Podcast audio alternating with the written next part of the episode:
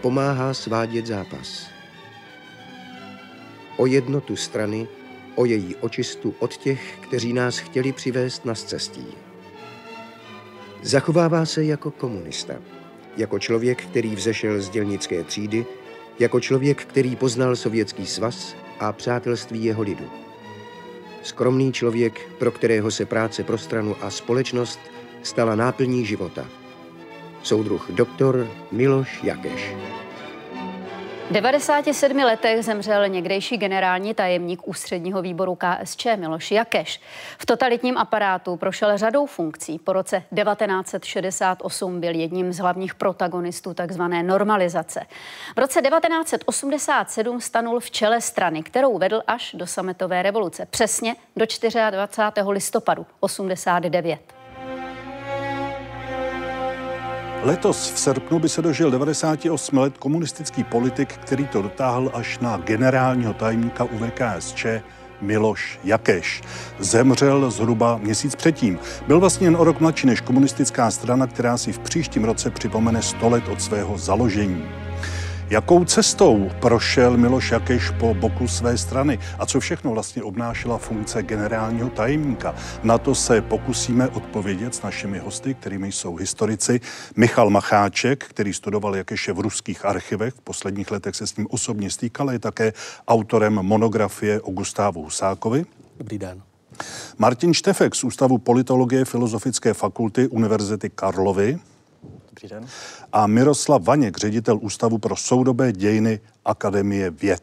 Dobrý den. Pánové, vítejte v historii CS.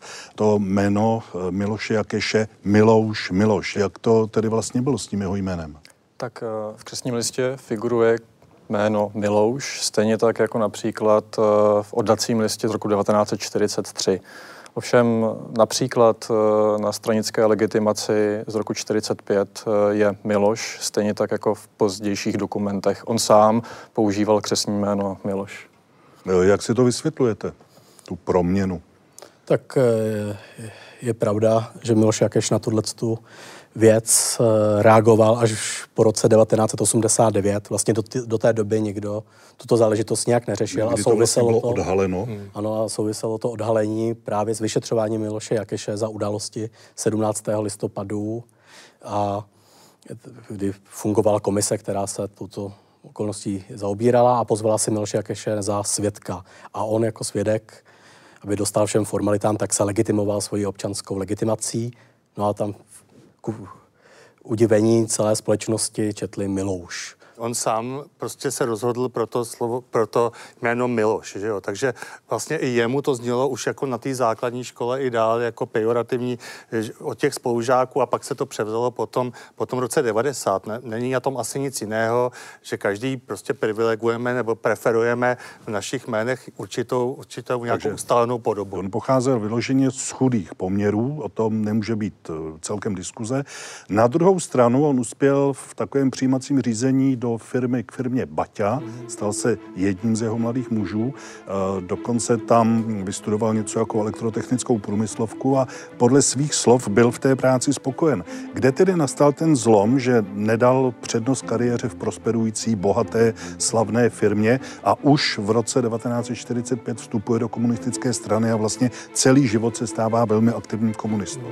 My jsme dělali s Milošem Jakešem rozhovor už 2001, respektive 2002, kdy jsme vlastně jako pamětník, vím, že tenkrát se ani vlastně nebylo nakloněno ani dělat rozhovory s bývalými funkcionáři KSČ, což se prolomilo. Eh, pan Macháček už má za 20 nebo za 18 let jiné rozhovory a my to můžeme porovnávat, což si myslím, že je skvělá, skvělá věc. K tomu začátku, eh, z toho, co jsme se my dozvěděli co jsme vlastně studovali, ta jeho kariéra je celá, celkově taková ukázková toho proletářského muže, to znamená z rodiny velmi chudé, kde on říká, že vlastně mluví tam o, o, o tom odívání, o botech, že chudobou jakoby, eh, jakoby netrpěli, což znamená, že ho obstarávali dvě krávy a jedno prase, které se koukalo. Pocházel z rodiny jeho českého chalupníka. On byl z českých chalup, to je taky docela zajímavé pro ten jeho příští osud, že vlastně byl v česko-německé škole v té malotříce, to bylo v tom, eh, v tom Brlohu, pak přichází zpátky do toho eh, Jaronína, což je zase docela zajímavý posun.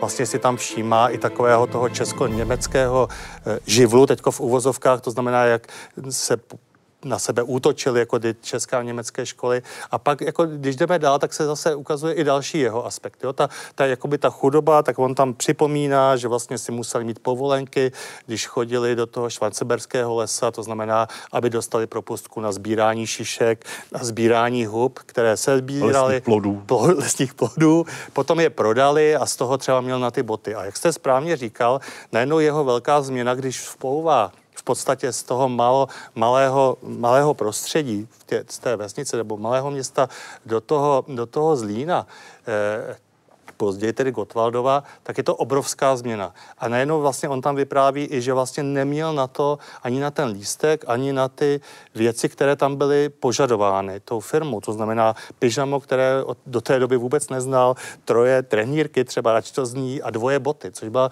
největší problém. Jo. Čili slibná kariéra možná u Bati to nepřevážila tyto zkušenosti z mládí, jak se zdá. Já si myslím, že ale kariéra u Bati udělala, že ho velmi poznamenala. On nikde ani ve svých uh, písemných vzpomínkách ani ve filmových vzpomínkách eh, nemá explicitní kritiku Paťova závodu, hmm. ba právě naopak. Ano. Je tam znát jistý obdiv organizaci práce, dokonce ve svých pamětech eh, píše, že je chyba, že Československo po roce 48 zkušenosti eh, Baťova závodu nevyužil v organizaci ekonomiky, takže to je, je zajímavý moment. Pardon, je potom je pravda, že on vlastně podporoval Slušovice. Chtěl bych zdůraznit, že národní výbory rozhodují o velikém počtu práv a zájmu občanů. Že de facto každý občan několikrát ve svém životě přichází na Národní výbor, aby se dožadoval určitých rozhodnutí a je důležité, aby měl záruky, že Národní výbor bude postupovat skutečně podle platných zákonů že nebude rozhodovat tak, že by to bylo nespravedlivé vůči občanu a nezákonné.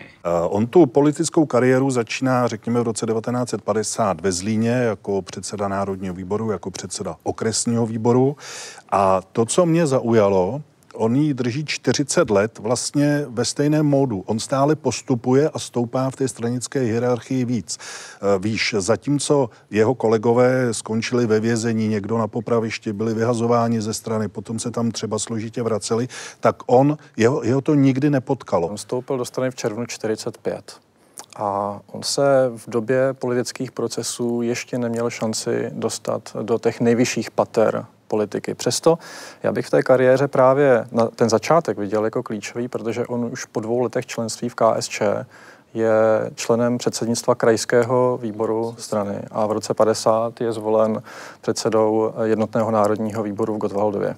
No a vlastně začátek, tam vidím značný kariérní skok, ale do centra se potom dostává až po studiu v Moskvě v letech 55 až 58. Tak, to je ten další moment, u kterého se chci zastavit, protože on v té polovině 50. let odchází na tři roky do Moskvy, studuje tam například s Alexandrem Dubčekem, což je zajímavé. Později se seznamuje také s Michalem Gorbačovem, protože oba měli na starosti zemědělskou politiku ve svých zemích, čili ta otázka zní, do jaké míry ten moskevský pobyt eh, se v něm odrazil. To bude asi takový leitmotiv možná toho dnešního povídání.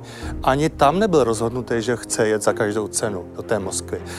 To vždycky jako je tam nějaká další lidé kolem něho, kteří ho nechci říct donutí, ale vlastně mu to ukážou v jiném světle. On není ambiciozní. Jo, určitě si myslím, že je posouván spíš svým okolím, než, protože on docela lpí i na, na tom manželství, vlastně manželka tam není, dneska už by tam určitě bývala jela, že jo, a najednou tři roky je tam jakési odloučení a on se tam docela je izolován, protože například od Dubčeka on říká, že Dubček se tam stýká s těmi sovětskými soudruhy, respektive rusky mluvícími eh, těmi komunisty, kteří jsou tam, a on se tam docela od téhleté eh, části lidí, jakoby nechci říct izoluje, ale rozhodně není v žádné té partě. A to si myslím, že je signifikantní další takový modus pro jeho, pro jeho život.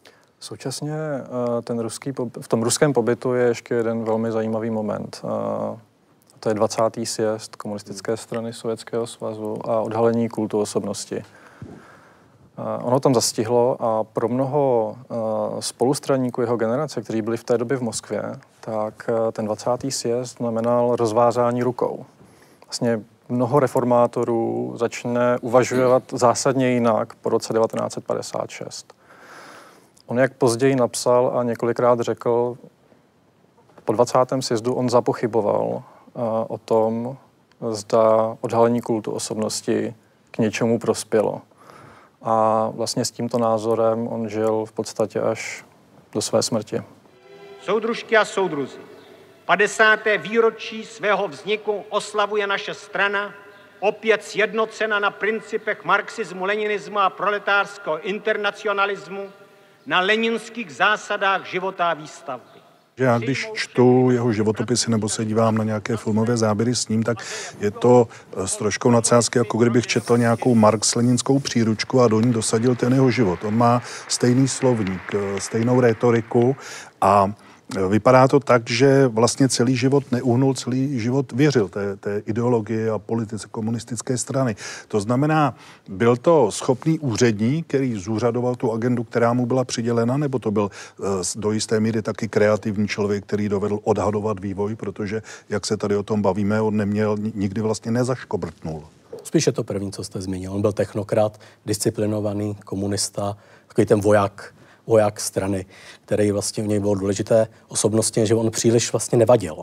Že on se dostává dost často výš jako taková kompromisní varianta, když tam jsou nějaký silní političtí hráči a nedokážou se dohodnout, tak tam právě dají jeho jako kompromisní řešení s tím, že předpokládají ty silní hráči, že s ním budou moci manipulovat. Hmm. Já my jsme s panem kolegou o tom mluvili, že jsme dělali ty rozhovory po téměř 20 letech a že zůstává v mnoha, mnoha svých jakoby, odpovědích a v těch názorech naprosto stejný. No. On se naprosto nezmění. K té vaší otázce abych směřoval, já si myslím, že určitě souhlasím, že to byl primárně úředník, který vykonal, který byl dosazen, dostrkán a tak dále a tak dále, ale přece jenom na druhou stranu určitý čich tam politický být musel. On byl vždycky eh, ducha kolektivního. On nic vlastně do poslední chvíle téměř nerozhodne sám. Jo, vždycky se skrývá tu, tu podporu toho kolektivu. Já bych řekl, a s tím rozhodováním je to ošidný. Poněvadž existovalo kolektivní rozhodování. Jo, a já vlastně prakticky žádnou pravomoc, abych to tak přehnaně řekl, než hostu nabídnout kafe nebo skleničku vína, jsem neměl. Tak eh, já mám pocit, že eh, čteme-li například paměti Vasila Bilaka, tak on to na sebe všechno prozradí a vyzdvihne roli své osobnosti.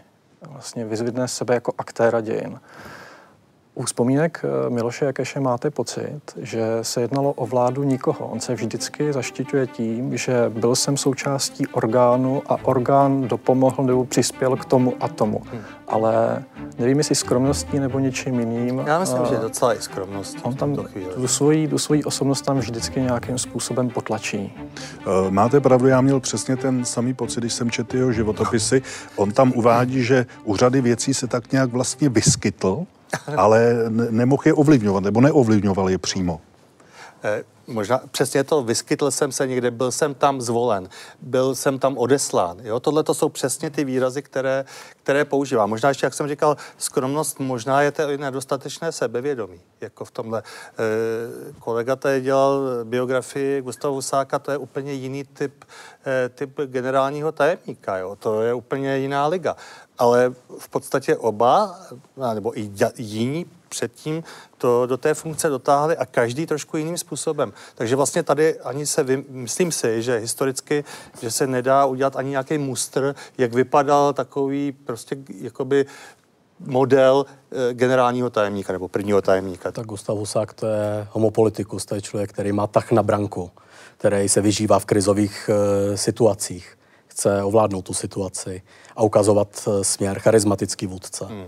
To u Miloše Jakeše schází.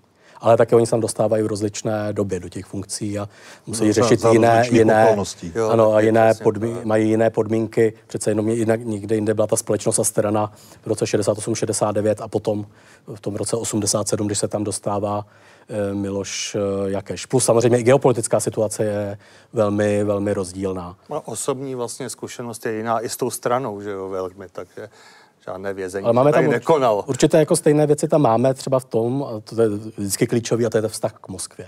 Jo. A to je lojalita k Moskvě a, a jak Moskva vlastně pojímá tyto lidi a že jim dává tu důvěru. Tak. To bylo klíčové. Pojďme se po té časové ose zase trošku vrátit do roku 68, který byl pro velké množství, velký počet komunistů zlomovým, klíčovým, klíčovým rokem.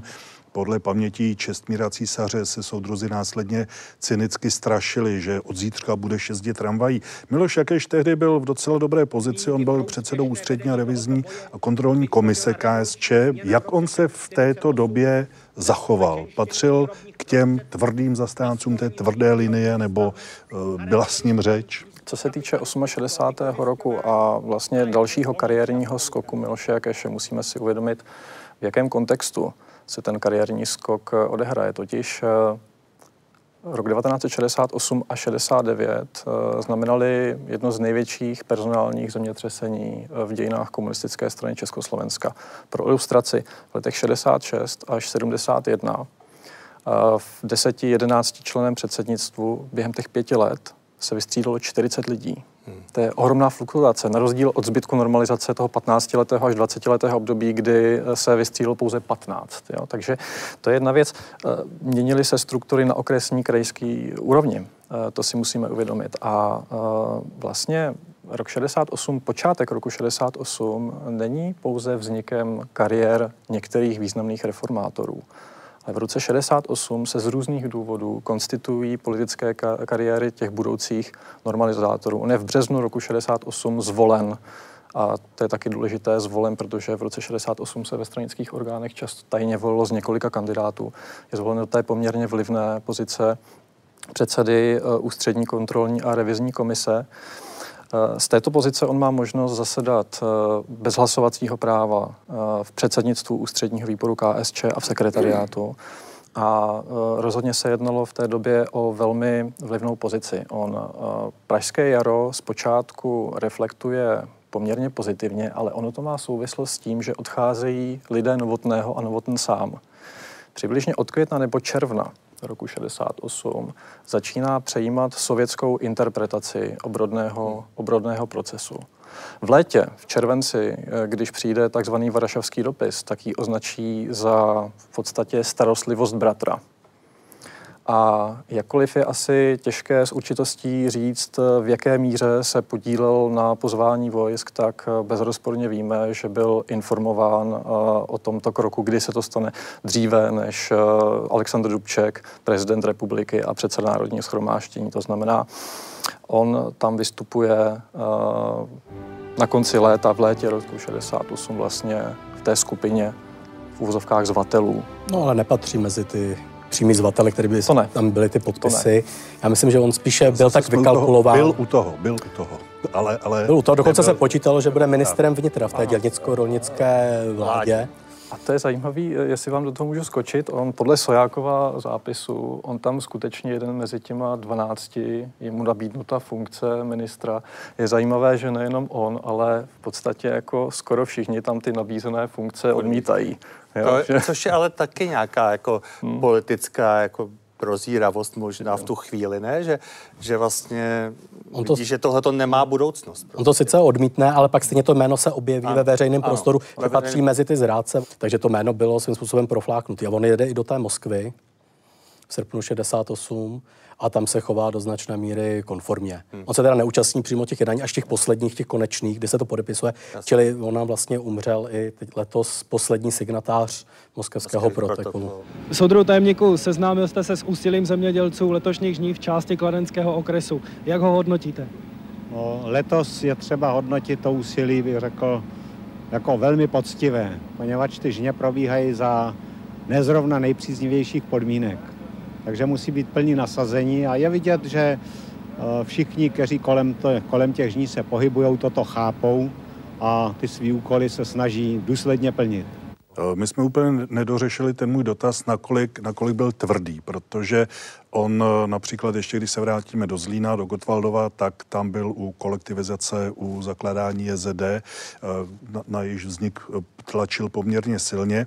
Eh, to období po roce 68 nebo po okupaci bylo také období, kde mohl hmm. být tvrdší nebo měkčí. Jaký tedy byl ve svých těchto postojích? Já si myslím, že tady ale je to celkem jednoznačné, že, byl, že nebyl až tak tvrdý, že v mnoha případech, a už i v té ústřední kontrolní revizní komisi, kde on neměl na starost všechny ty vyloučené, vyškrtnuté, on vlastně měl jenom ta hierarchické, kteří spadali tím odvoláním až k němu.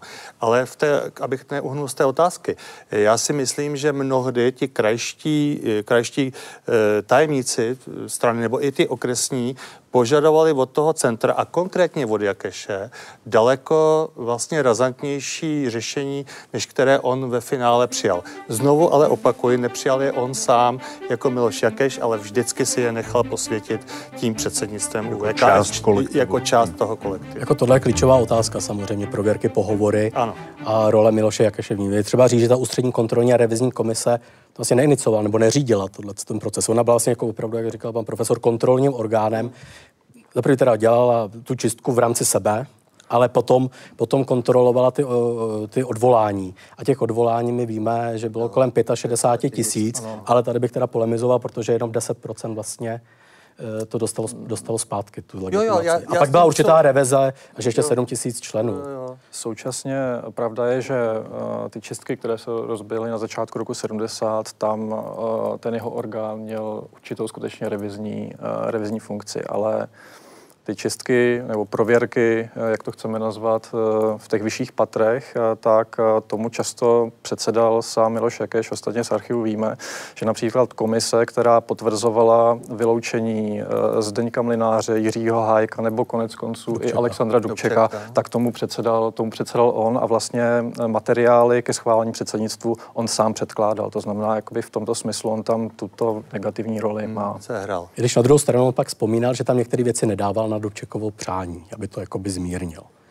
Možná jenom na dokreslení, jestliže se bavíme o čistkách a v těch ostatních jsme dělali vlastně ty, tenkrát ten projekt s těmi ostatními funkcionáři z celého spektra různých úrovní, tak ti, kteří říkají, že čistky jsou začátkem konce komunistické strany, zcela jednoznačně, aspoň v těch našich rozhovorech se to dá takhle rozklíčovat, pardon, tak u toho Miloše Jakeše ten říká, nebylo to úplně ideální. Neřekne, že to byla chyba a na druhou stranu v tohle tu chvíli nedrží úplně to jeho línii kde byl jasně rozhodnut, že všecko, co dál udělal, bylo, bylo bez problémů. To byla jediná vlastně záležitost, kdy on se jakoby zachvěl v tom, že se dalo takhle, že se dalo postupovat jinak. To byl, to byla Dobře, taková... to byl pohled ex post. A, Samozřejmě. Ale říkejte to tím půl milionu lidí, kteří byl vyloučený a stali jo, jo. se lidmi druhé, třetí kategorie. Jo, jo, jo. Blíží se výročí na 20. srpna 1968. Proč jste nezabránili té vojenské intervenci? Ale já myslím, že film se mnou nemá být o historii komunismu. Mě prostě zajímalo, eh, jak je možný, že nám vládl ten člověk. Já jsem se rozky rozhodl, že natočím pro svý děti takovou konzervu, aby jednou viděli, kdo stal v čele našeho národa. A děti mi to vrátili a chodí za mnou a ptají se mě, jak je možný, že my jsme vůbec tohoto připustili, tohohle člověka. Oprava Milady Horákové, ta nebyla hloupostné. To nebyla, to byl omyl, to za to můžeme poděkovat za všechno, mi řekl studené válce. Vy nevidíte, co se tady udělalo pro lidi, jak se rozvinula ta země, jak ty lidi byli většina zdrcující šťastní. Pořád se chcete hrabat v něčem, co není podstatný pro tu naši minulost. To není podstatný. Eh, když se podívám na tu jeho pracovní kariéru, tak on se věnoval řadě odvětví. On začínal eh, po těch studiích v Moskvě na UVKSČ v Praze jako referent v oddělení paliv a energetiky, pak měl na starosti místní hospodářství, zemědělství, ve finále celou ekonomiku předtím, než se stal generálním tajemníkem. Jak vlastně fungovalo takové to dvoukolejné řízení? Po pádu Chruščova a jeho experimentů v době brežňovské a pozdější se ustála ona, řekněme, dvoukolejná praxe, kdy například aparát ústředního výboru komunistické strany částečně rezortně kopíroval jednotlivá ministerstva. Pochopitelně ve tvorbě politik a zejména těch obecnějších koncepcí měl ústřední výbor komunistické strany a jednotlivá oddělení navrh před ministerstvy, ale V té každodenní politice bychom tu situaci mohli nazřít spíše jako pozorování konfliktu mezi vládou a mezi ústředním výborem, kdy výsledná politika a výsledná legislativa byla vždycky nějakým kompromisem mezi eh, vlivem a mocí jedné nebo druhé složky. Zajímavé je, že když čteme zase paměti jednotlivých tehdejších aktérů, tak eh, Miloš Jakeš, eh, když se ho někdo tázal na ekonomické reformy, tak si stěžuje na to, že vláda nekonala. A naopak například v pamětech Lubomíra Štrougala je stížnost na to, že UV byl příliš kosnětilý. Ale v každém případě jako ta konfliktní, ten konfliktní vztah tam byl minimálně po dobu celé normalizace. A to potvrzují ty moskevské archivy vloženě tohle stěžování, kdy Miloš Jakeš jako potom tajemník pro ekonomické záležitosti myslím od roku 81, no. tak uh, si vlastně stěžuje, nebo jsou stížnosti do Moskvy, že Lubomír Štrougal jako premiér obchází Miloše Jakeše v ekonomických otázkách a rovnou jedná s Gustavem Husákem jako s generálním. Možná, možná přesně tak. Možná stejně jako Štrougal potom vlastně Jadamec, u kterého to vyhřezne úplně viditelně, že najednou ta komunistická strana vidí, že se jakoby vymyká a že dělá nějakou svoji nezávislou politiku. Takže ho zahání k tomu, aby se šel zodpovídat na to UV, respektive na to přece předsednictvo, kde on vlastně je také členem, aby tam vlastně to vysvětloval, protože se řekne, tady je politika strany, ne politika vlády. A to je docela zajímavý, jak to to je, v tom je vidět ta dvoukolejnost. V tom kontextu já bych se chtěl zeptat na to, jaká vlastně byla obecně role generálního tajemníka. On to někdy byl předseda strany, někdy to byl první tajemník. Eh, Miloš Jakeš k této roli směřoval, zdá se mi, aniž by o to nějak moc eh, usiloval. Čili jaké, jaké parametry měla tahle ta funkce? Funkce v té mocenské hierarchii byla naprosto zásadní, ale neznamená to, že by si generální tajemník mohl dělat autonomně svoji politiku. On byl nepochybně mocnější než ostatní tím, že zasedal ve všech nejvyšších orgánech, to za prvé. Za druhé řídil podstatnou část aparátu strany, a to zejména politicko-organizační oddělení, které měl na starosti i nižší složky výstavby strany a e, to nechvalně známé 13. E, oddělení, oddělení e, přesně tak. Za třetí, a to je důležité, postavení generálního tajemníka od Novotného až v podstatě dokonce k Milošovi Kešovi. Velmi jeho postavení záleželo na přízni to Moskvy. Na základě jakých informací generální tajemník se rozhodoval? Jak, jak to bylo zabezpečeno informačně? Co se k němu dostalo, co se k němu nedostalo? Tak eh, se k němu dostalo téměř všechno. Eh, dostalo se k němu ekonomické rozbory, dostaly se k němu prognostické rozbory. On dokonce řídil, že eh, ústřední výbor řídil tyhle, ty, tyhle ty instituty. Dostali se k němu státní bezpečnost, všechny ty světiny. Já si myslím, že informací jako takových měl spoustu. Teď je otázka spíš stojí, jak, jak, je, jak s nimi naložil a jak s nimi uměl pracovat. On, ale i to jeho okolí, kterou, kterému muselo ty, ty, ty dokumenty samozřejmě nějakým způsobem e, předpřipravit. Jo? A v tomhle tom už já vidím neumění s těmi těmi informacemi nakládat. Na rozdíl třeba od toho premiéra Ladislava Adamce, který přece jenom, ač teda ekonom, že tak už s těmi těmi informacemi pracoval. Já si myslím, že tady na ty, na, že ten režim určitě nezemřel v úvozovkách na nedostatek informací. Spíše s tím, jak se s tím pracovalo. Ono také záleželo na tom týmu lidí, který Určitě. byl kolem toho generálního tajemníka. Jenom bych ještě doplnil, co si myslím, že je klíčové, že vlastně pod něj spadal i minister vnitra, federální ano, minister. I když samozřejmě formálně pod federálního premiéra, ale tam byl velmi čilý kontakt s ministerstvem vnitra. Potom měl důležitou roli i v mezinárodních otázkách, hmm. mezinárodní politice a pak bychom určitě měli zmínit, že tím, když se někdo stal generálním tajemníkem nebo prvním tajemníkem, ta funkce, ten název se měnil v průběhu času, tak se také stával velitelem lidových milic a předsedou Rady obrany státu. Soudruh generální tajemníku ústředního výboru komunistické strany Československa, náčelník obvodního štábu lidových milicí v Praze Danda, jednotky lidových milicí, Zboru národní bezpečnosti a Československé lidové armády nastoupeny u příležitosti 40. výročí vítězného února. Děkuju. Čas práci, soudruzi. Jak Miloš Jakeš, tak třeba premiér Adamec, o kterém jste hovořil, eh, tvrdili ve svých rozhovorech, že drtivá většina občanů byla se socialismem spokojena. Miloš Jakeš i v, v, v dokumentu a i v těch svých pamětech říká, eh, že se tady žilo lépe, protože lidé měli práci, měli ubytování, eh, měli sociální jistoty a postavila se tady řada staveb, například metro, ze kterého jeho slovy řečeno žijeme dodnes.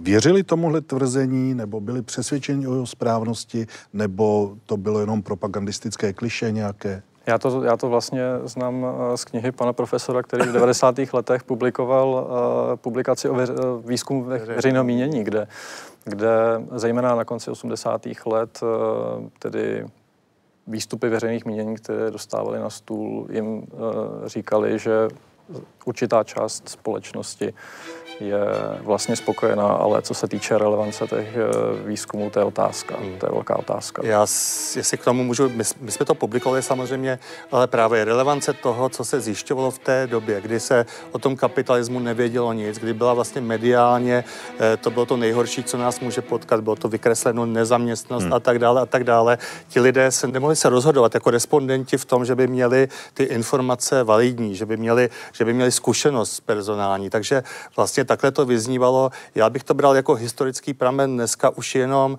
jak si stála společnost v roce 89, on je, ten, on je ten výzkum z roku 89 z prosince a potom z ledna, ale víc bych tomu nepřikládal jakoby váhu. Myslím ale si, vidíme že... v těch průzkumech, když si na to vybavím, že tam byla i velká nespokojenost uvnitř samotné komunistické Přes, strany Československa, u těch řadových členů a vůbec těch otázek, tam byl, myslím, že tam byla otázka, jestli by znovu vstoupili do komunistické strany Československa, že to bylo celkem vysoké procento, že odpověděl, že už by no, eh, nevstoupili. Čili ty, kteří by měli držet ten režim, vlastně se od něj dávali ruce. Ve finále byl problém s náborem Eh, nových členů z dělnického prostředí. Obrovský. No. Jako tam měli vlastně eh, z deseti vlastně jich to vzalo jako čtyři lidé, kdežto z těch humanitně vzdělání tam bylo až šest, ale nebylo to 100%.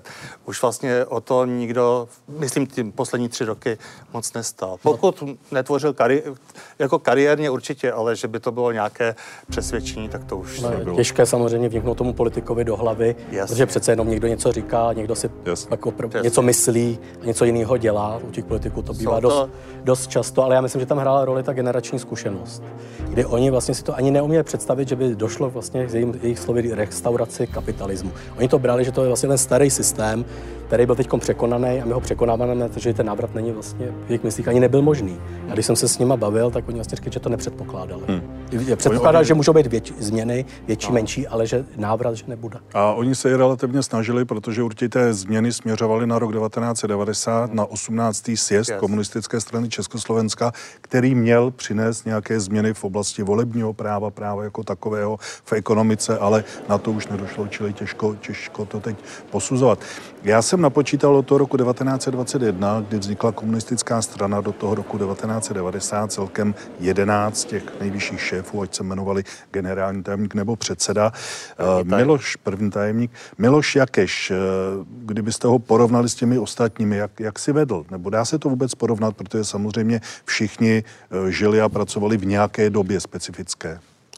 To říkáte dobře, no. Právě protože žili, hmm. hmm. žili v jiné specifické době, která vytvářela naprosto jiné možnosti, ale také bylo vlastně větší dohled. Někdy se to povolilo eh, na, na Miloši Jakešovi, vlastně vychází jako by to období, které už je mezinárodně vlastně eh, nejvolnější. To znamená, bylo tady několikrát zmíněno, že vždycky šlo o vztah Československa, respektive československé reprezentace, respektive komunistické strany k Moskvě. Hmm. A tady najednou je evidentní, že ta Moskva vlastně přestává dávat ty instrukce, protože má sama dělat sama co se sebou.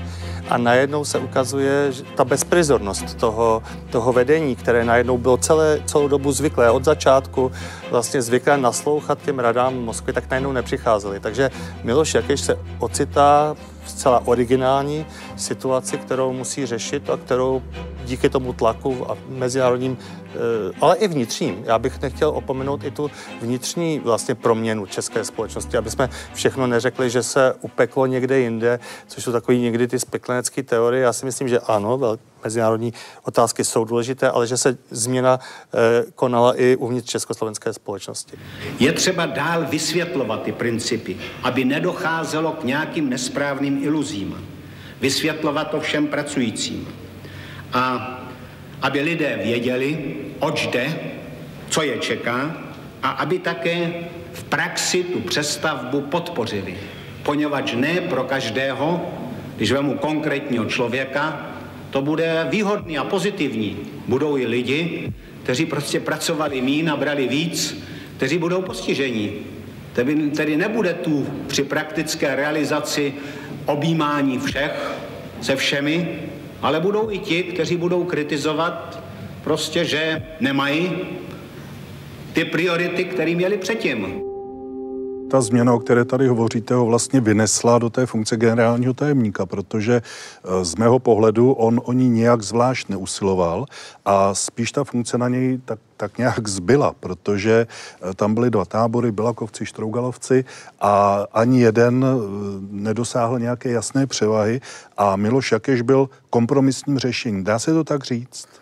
Dá, plus eh, po 19 letech, kdy eh, generální tajemníci Byl byli Slovák. Slováci, tak nyní to měl být Čech. A hmm. Eh, když se podíváme na tehdejší složení předsednictva ústředního výboru komunistické strany Československa, tak v úvahu mohl připadat ještě Ladislav Adamec, který byl ovšem služebně tehdy nejmladší. Hmm.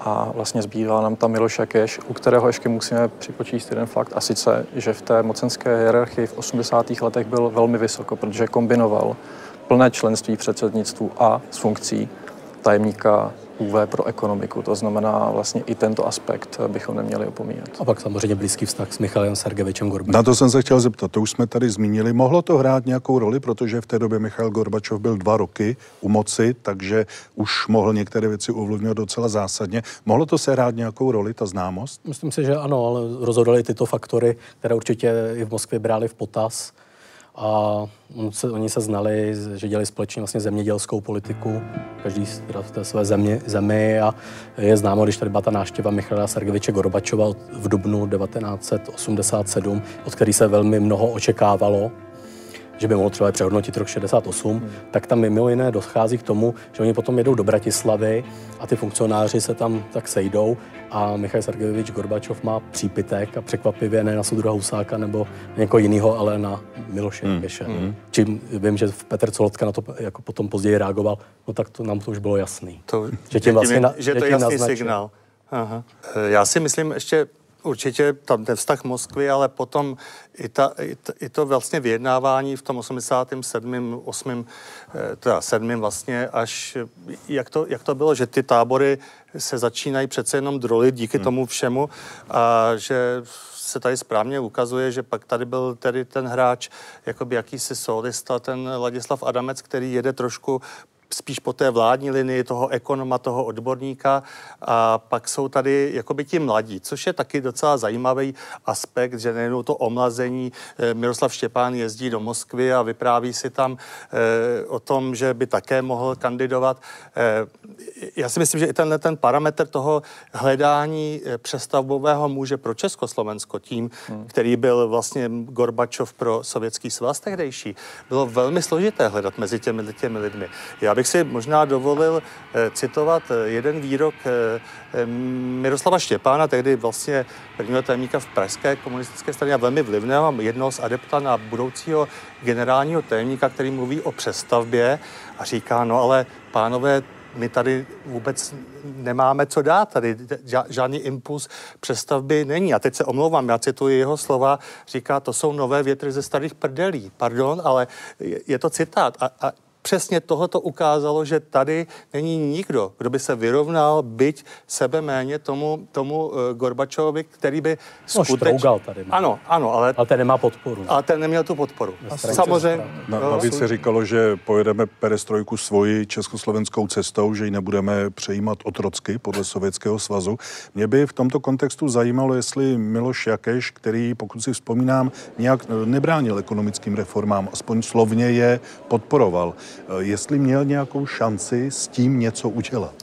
Takhle, slovně, slovně určitě. Eh, já bych řekl, že eh, v těch letech 87 až 89 Jakešovi rozhodně šlo o reformní renomé, dalo by se říct, ale potom, co se dostal do té největší funkce na konci roku 87, tak začal tvořit svůj tým a svojí personální politikou paradoxně z některých vysokých stranických funkcí eh, odstranil lidi, kteří byli právě více reformně zaměření a naopak. Lidé jako například Jan Fojtík, hmm. Karl Hoffman nebo Josef Linard paradoxně v té době hmm. Postoupili eh, v té hierarchii výš. A zase končí Belák vlastně. A končí Belák a to je zajímavé. To je zajímavá To je zajímavé, protože vlastně krátce předtím Miloš Jakeš rozhodl, že se jeho paměti, které píše v té době, nebudou publikovat. Mluvil jsem o tom, že chtěli mít nějaké reformní renomé a Eh, jenom co zaznělo ze stenografického záznamu jednání v prosinci 88, kdy se o Bělakově odchodu jedná. Vladislav Adamec tam prohlásil, a nebudu to asi citovat přesně, že změny, které provádíme, jsou společností kladně přijímány a společnost vnímá, že to s reformou myslíme vážně. Zase jako jedná se o, o to, že chceme působit, eh, že děláme reformu. Pozor, tu přestavbu nemůžeme zde nechat mávnutím ruky. Jako v letech 86 se rozjela ekonomická reforma, která sice nebyla plně realizovaná, ale přece jenom byl schválen zákon o, zák- o státním podniku a spoustu dalších projektů, které měly být, jak jste správně řekl, schváleny na tom 18. sjezdu. Nemůžeme jednoduše říct, že žádná přestavba nebyla, ale srovnáme-li reformní proces například eh, s maďarským, tak než kvůli sovětským, tak to jsme úplně někde jinde. A tedy ten 18. sjezd, to je vlastně zajímavá věc, kterou jste zmínil. Uh, Miloš Jakeš i některé ty vysoce postavené postavy, které se do nejvyšších pozic dostaly po potlačení reformy 68. roku, věděli, že jejich, jejich éra končí a ten 18. sjezd měl být volbou nového vedení, hmm. které se vlastně některými reformními tezemi, které jste zmiňoval, zaštítí velmi pravděpodobně tam měl být e, i vlastně politický konec Miloše Jakeše. Hmm. Hmm. A možná jenom technickou k tomu. Miloš Jakeš vlastně tohle nechtěl připustit. Chtěl, aby sjezd byl o těch ideích a o tom dalším směřování, o ekonomice a tak dále, ale aby to nebyl volební, aby se tohle to rozdělo. Takže si myslím, že si byl i vědom do toho, že vlastně opravdu tam, tam to bude jeho konec.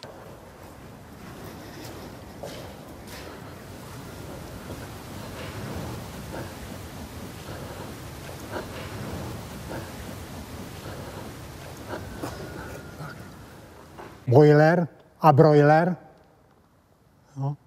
Mě bude někdo poučovat, já jsem elektrikář a tolik boilerů jsem nainštaloval. A pokud je o broilery, jsem dělal zemědělství, tak jsem dobře věděl, co je to broiler. Návštěva na Červeném hrádku s Jakešem to byl úplně poslední natáčecí den, nic víc už jsme potom nenatočili. No, cítil jsem, že pro Jakeše to rozhodně příjemné není, celou cestu tam nepromluvil ani slovo. Takže jsem cítil, že to je pro něj emocionálně velmi náročné a jsem rád, že se nakonec ta scéna podařila natočit, protože to bylo vlastně takové jakoby uzavření celé té jeho kariéry. On prostě musel vědět, že od té chvíle ta jeho kariéra eh, nabírá obrátky ke konci. No. On to bral jako obrovský podraz a podvod na něj a na eh, manipulaci státní bezpečnosti, eh, která potom postavila národ proti němu. No. To heslo nemá, není heslem, bych řekl, který ukazuje konec, ale naopak bude nový začátek. Pro mě to je člověk dvou tváří. Je to člověk, který má Baťovu školu a je to člověk vlastně, až bych řekl, prvorepublikově elegantní. Ten, když k němu přišla žena, nebo on šel někam za nějakou ženou, za nějakou soudružkou nebo nějakou návštěvou, tak měl vždycky květinu a bomboněru. Byl opravdu jako nesmírně laskavý. Jo. A na druhou stranu to byl prostě velice tvrdý bolševik. Stalo se nám několikrát, že jsme se dostali do situace, která, eh, s kterou do situace, kdy jsme diskutovali politické názory, s kterými nesouhlasili, byli prostě proti komunistům. Jo. A to začal bouchat pěstí do stolu a, a naštvával se a vyhazoval nás. Takže eh, klamal tělem. Jo. Nebyl to ten laskavý dědeček, ale byl to opravdu ten tvrdý bolševik. A to, to, co mě teda osobně nejvíc překvapilo, na rozdíl od mnoha jiných vrcholných bolševiků, kteří aspoň nějakou reflexi provedli po, po převratu, po revoluci, tak jakéž absolutně žádnou. Tam nebyla stopa změny názoru, stopa lítosti, to mě fascinovalo z lidského hlediska. Jediného, čeho opravdu litoval, bylo to, že ten komunismus pustili tak rychle a e, říkal, že ve finále tedy nepoužili ty lidové milice. Já jsem ho za to pochválil, říkal jsem, pane Jakeši, to jste udělali dobře. A on řekl, myslíte? Když se podíváme na ten začátek skutečného konce Miloše Jakeše na listopad 89, on říká, že vlastně to měl být stranický puč, který měl pomoci třeba lidem, jako je Miroslav Štěpán, a svezl se ke kontrarevolučnímu převratu. Ta, ta strana spěla ke svému konci svojí vlastní dynamikou, svým vlastním rozhodnutím. Říkám, začátek bych viděl už v těch čistkách v té straně a všechno další bylo jenom vlastně kamínky do mozaiky, co se týká vlastně, žádný puč už tam nemohl být, kdyby ten puč byl, tak se to projevilo v těch prvních hodinách, možná dvou dnech, to se neprojevilo. Dochází tady k mezinárodním a vnitřním e, souvislostem, ty vektory se protínají, vytváří jeden silný, který vede k tomu konci toho režimu. Miloš Jakeš k tomu má nebo měl, určitě může říkat, jak to on vnímá, celá řada jiných to vidí jinak moje vysvětlení na základě současných pramenů a současného názoru je takovéhle. Možná, možná někdy něco objevíme, to nikdo, historik už určitě nemůže říct, že je konec bádání. Miloš Jakeš v Dubnu 89 jednal osobně s Gorbačovem. Stěžoval si na polské události a Gorbačov mu tehdy v podstatě naznačil, že Sovětský svaz nebude intervenovat v zemích východního bloku. Tam Jakešovi muselo být jasné, že dřív nebo později se ta situace zásadně zlomí. V roce 88 ještě mohli předpokládat, že to nějak půjde dál, ale v první polovině roku 80. Hmm. I s ohledem na domácí, na, na domácí události, Palach, Palachův týden a tak dál, to muselo být evidentní, že nejenom mezinárodní souvislosti, ale i ty domácí souvislosti povedou k nějakému zlomu. Ale máme tady komunistické politiky, určité skupiny, které si tohle už uvědomí už v tom roce 88-89. Rudolf Hegenbart, Alois Lorenz, které potom tedy e, zpětně Miloš Jakeš osočoval z toho, že oni byli že vlastně zatím strujci toho, strujci toho, no, toho puče. jsem tady hovořil vlastně. Je pravda, že oni opravdu upozorňovali v tom začátku roku 89 na to, že je třeba udělat dalekosáhlé změny. A byli tam vlastně politici, právě ty, kteří byli i odejti, třeba Lubomír Štrougal a Antonín Kape, který jo. chtěli využít té příležitosti a, a vím, že těch kohoutů na tom jednom smětišti no. bylo, bylo hodně.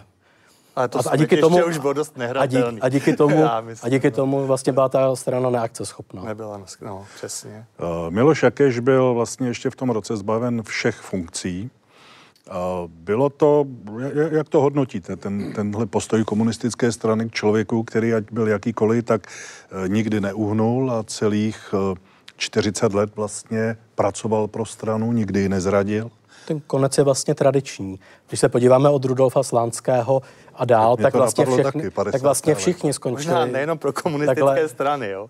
Tady jako, ale... No tak u toho Slánského to bylo ještě drastičtější. Jasně, jo, ale... A vlastně vždycky oni skončili vlastně jako vyloučení, krom teda Antonína Novotného, hmm. který byl jenom, bylo, zastav, bylo zastaveno členství a pak, pak se vrátil, ale jinak vlastně všichni skončili velmi tragicky. Ale ono to tak bývá s jako obecnějším, no, to jsem uh, myslel obecně. obecnějším údělem uh, vysokých politiků.